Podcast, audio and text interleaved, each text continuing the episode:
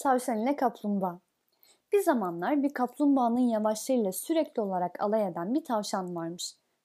Bir gün öfkeye kapılan kaplumbağa sen kendini ne sanıyorsun? Hızlı olabilirsin ama geçilmez değilsin demiş tavşana.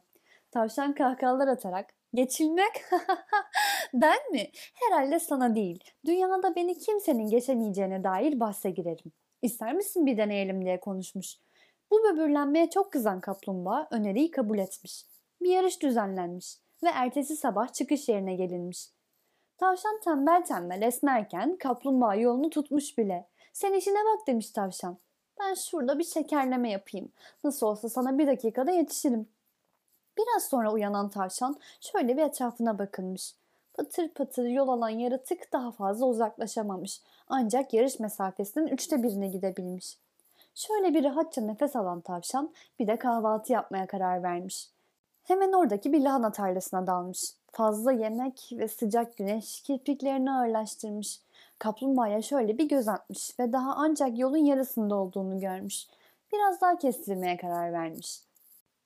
Bütün gün kanter içinde yol alan kaplumbağa güneş batmak üzereyken bitiş noktasına epey yaklaşmış. Tam o anda tavşan bir sarsılmayla uyanmış. Kaplumbağanın da çok az bir yolu kalmışmış.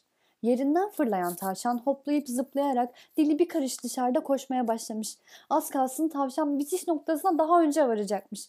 Ancak son sıçrayışını çok geç yapmış. O daha havadayken kaplumbağa büyük bir adımla çizgiyi geçmiş.